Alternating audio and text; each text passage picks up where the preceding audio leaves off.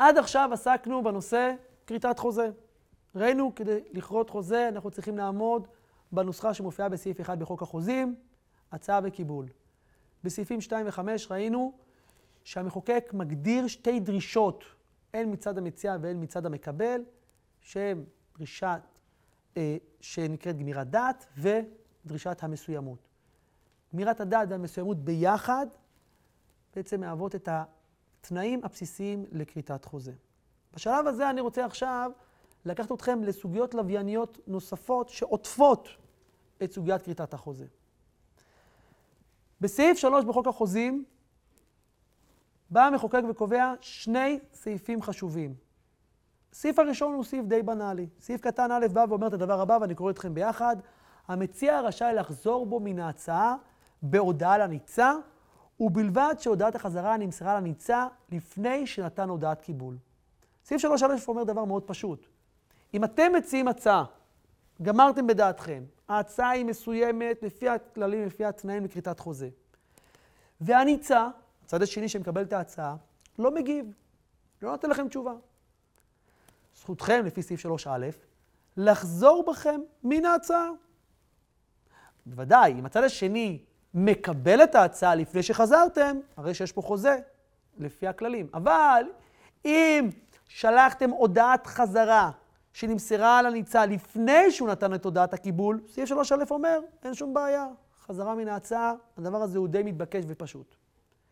סעיף 3ב מדייק פה איזושהי פעולה שיכולה ללמד אותנו משהו מעניין. אומר סעיף 3ב, אני קורא אתכם ביחד, קבע המציע שהצעתו היא ללא חזרה, או שקבע מועד לקיבולה, אין הוא רשאי לחזור בו ממנה לאחר שנמסרה לניצה. 3ב נותן מקרה מיוחד שבו אדם, בזמן ההצעה בכריתת חוזה, אומר ההצעה היא ללא חזרה. מקרה די מוזר. או, מקרה יותר פשוט ונפוץ, זה שהוא נותן מועד לקיבול ההצעה. למשל, הוא אומר, אני מציע לך הצעה, קח יומיים לחשוב על זה. תן לי תשובה מחר בבוקר, בשמונה בבוקר. תשאל על זה לילה. תן לי תשובה בסוף החודש. כמו שעושים הרבה פעמים בחברות, מבצע עד סוף החודש. הם נותנים הצעה וקובעים מועד לקיבול ההצעה. אומר סעיף 3ב, אם אני אומר שההצעה היא לא חזרה, או שאני נותן מועד לקיבולה של ההצעה, אין הוא רשאי לחזור בו ממנה לאחר שנמסרה לניצה. אני כבול לסד הזמנים שקבעתי להצעה שנתתי לצד השני. כלומר, זה אומר שגם אם עכשיו מישהו אחר יבוא וירצה לקבל ממני את הנכס שאני הצעתי לאדם מסוים, אני לא אוכל לחזור בי מן ההצעה שנתתי לו עד שיעבור מועד שקבעתי לו. אם אני נתתי הצעה ללא חזרה, אז בכלל, הדבר הזה בעצם מציב שלוש אפשרויות. אפשרות אחת זה שהצד השני מקבל את ההצעה ויש חוזה. אפשרות שנייה זה שהוא דוחה את ההצעה ואז הוא משחרר אותי מן ההצעה הבלתי חוזרת. אפשרות שלישית שהוא פשוט לא מגיב. במקרה כזה, כמו שאומר סעיף 3ב, אין הוא רשאי לחזור בו ממנה. אני לא יכול לחזור בי מן ההצעה, כי נתתי הצעה בלתי חוזרת. יותר נפוץ זה בעצם הצעה עם מועד לקיבולה. כלומר, שהאדם אומר, יש לך 24 שעות לתת לי תשובה, יש לך אפשרות לתת לי מחר בבוקר, בתחילת שבוע הבא, עד סוף החודש. במקרים כאלו, עד סוף החודש אני לא יכול לחזור ממין ההצעה. לכן, חברות, אגב, שמציעות מבצעים כאלו ואחרים, ואומרות מבצע עד סוף החודש, הן תמיד מוסיפות למטה בשורות הקטנות. החברה רשאית לחזור בו מן ההצעה בכל עת, או רשאית לחזור בה מן המבצע בכל עת. למה הם מוסיפים את האותיות הקטנות האלו?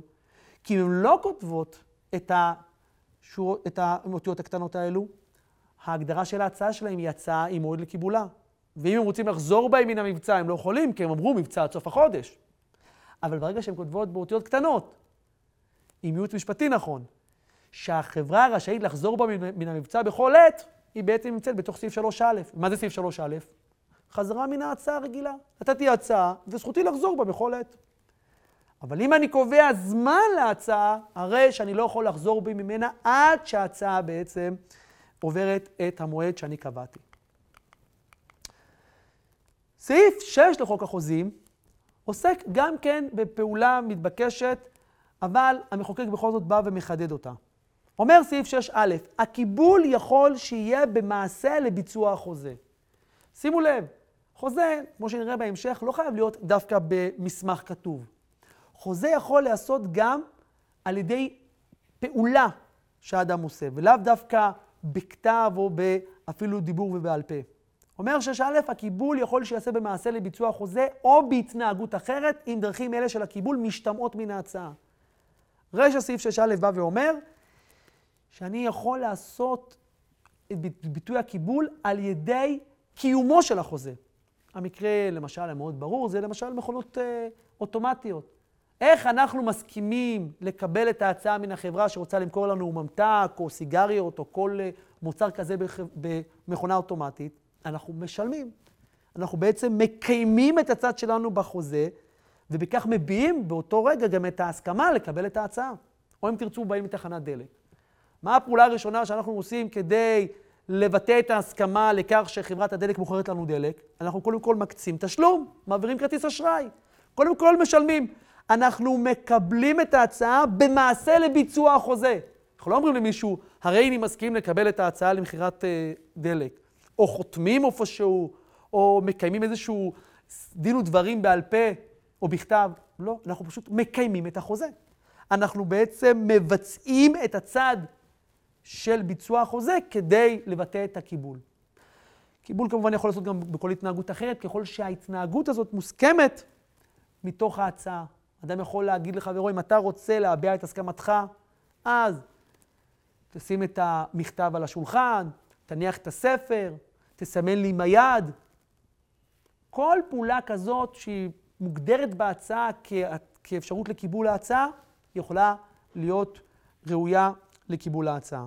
לא חייב שהדברים ייעשו בעל פה ולא בכתב. מספיק גם בהתנהגות כדי להביע את ההסכמה מצד הניצה. סעיף 6ב מחדד את העניין ואומר את הכלל הבא: קביעת המציע שהיעדר תגובה מצד הניצה ייחשב לקיבול, אין לה תוקף. שימו לב, זה כלל מאוד חשוב. המציע, אומר סעיף 6ב, לא יכול לבוא ולהגדיר לניצה, כלומר זה שקיבל את ההצעה, שהיעדר תגובה מצידו ייחשב קיבול. אין לדבר הזה תוקף.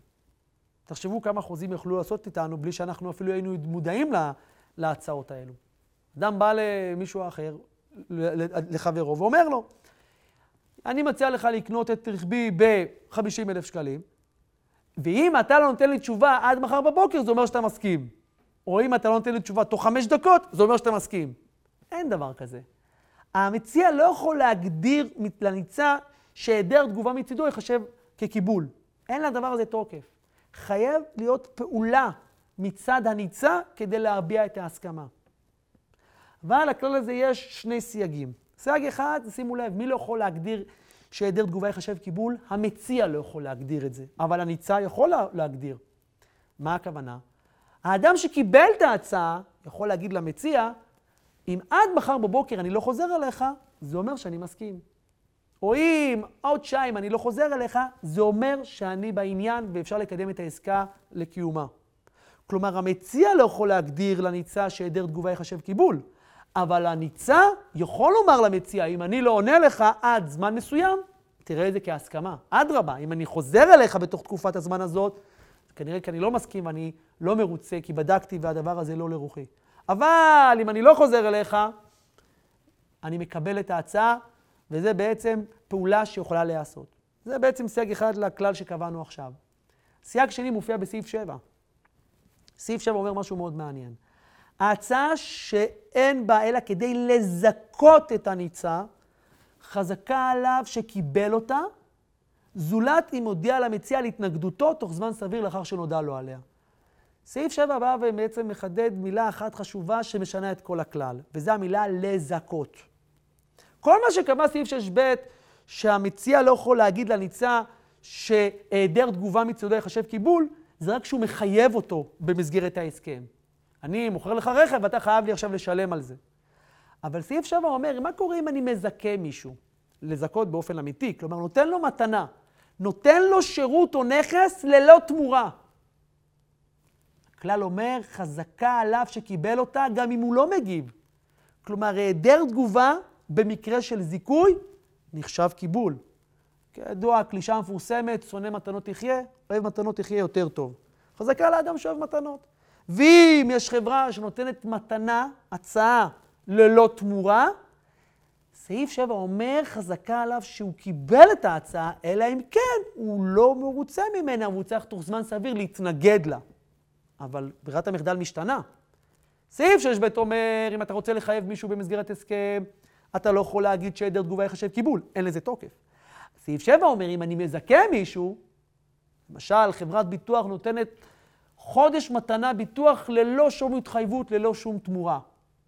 והאדם לא מגיב, וקורה לו איזשהו אירוע ביטוחי בתוך החודש הזה. במקרה כזה, חזקה עליו שהוא קיבל את ההצעה, והוא יכול ליהנות מחודש הביטוח ולבקש את התשלום מחברת הביטוח. אה, אבל לא הגבת, אין צורך, כי אומר סעיף 7, הצעה שאין בעיה לה כדי לזכות את הניצה, חזקה עליו שקיבל אותה.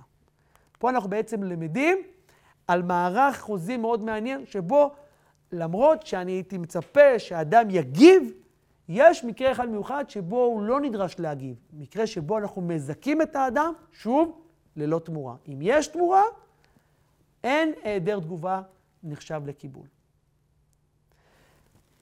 סוגיה אחרונה, בתוך מערך של סוגיות הלוויוניות סביב כריתת החוזה, זה הרעיון של טכניקת הכריתה. עד עכשיו דיברנו על טכניקת כריתה שהחקיקה הגדירה, הצעה וקיבול. כך קובע סעיף אחד, חוזה נכלל בדרך של הצעה וקיבול, וראינו שבתוך הצעה והקיבול יש דרישה לגמירת דעת ודרישה למסוימות. הפסיקה, בעיקר פסק דין רבינאי שהזכרתי מקודם, באה ושכללה את אופן כריתת החוזה. הטכניקה לא חייבת להיות רק טכניקה של מציע ומקבל, של מוכר וקונה, של שני צדדים, אלא הפסיקה מכירה באפשרות שבה גם אם אני לא מודע בדיוק מיהו המציע ומיהו הניצע, מיהו, ה... אה, איפה ההצעה ואיפה הקיבול, אלא ברגע שמתקיימים שתי הדרישות המרכזיות, כלומר, יש גמירת דעת בין הצדדים, זה לא חייב להיות גם שניים, יכול להיות שלושה, ארבעה, חמישים איש. יש ביניהם גמירת דעת, וביניהם יש מסוימות מוסכמת, יש כאן חוזה בין הצדדים. אין צורך להגדיר מציע וניצע, הצעה וקיבול. מספיק שהדרישות המהותיות לכריתת חוזה, גמירת דעת בין כל הצדדים לעסקה, מתקיימת, ויש מסוימות ברורה ביניהם, הפסיקה באה וקבעה שבמקרה כזה, הרי שיש חוזה לכל דבר ועניין. כלומר, זו אותה גברת בשינוי אדרת. לא צריך באופן חקיקתי הצעה וקיבול, מספיק שהדרישות לכריתת חוזה, קרי גמירת דעת ומסוימות מתקיימים, הדרישות האלה מתקיימות, זה מספיק כדי לעמוד על חוזה מחייב.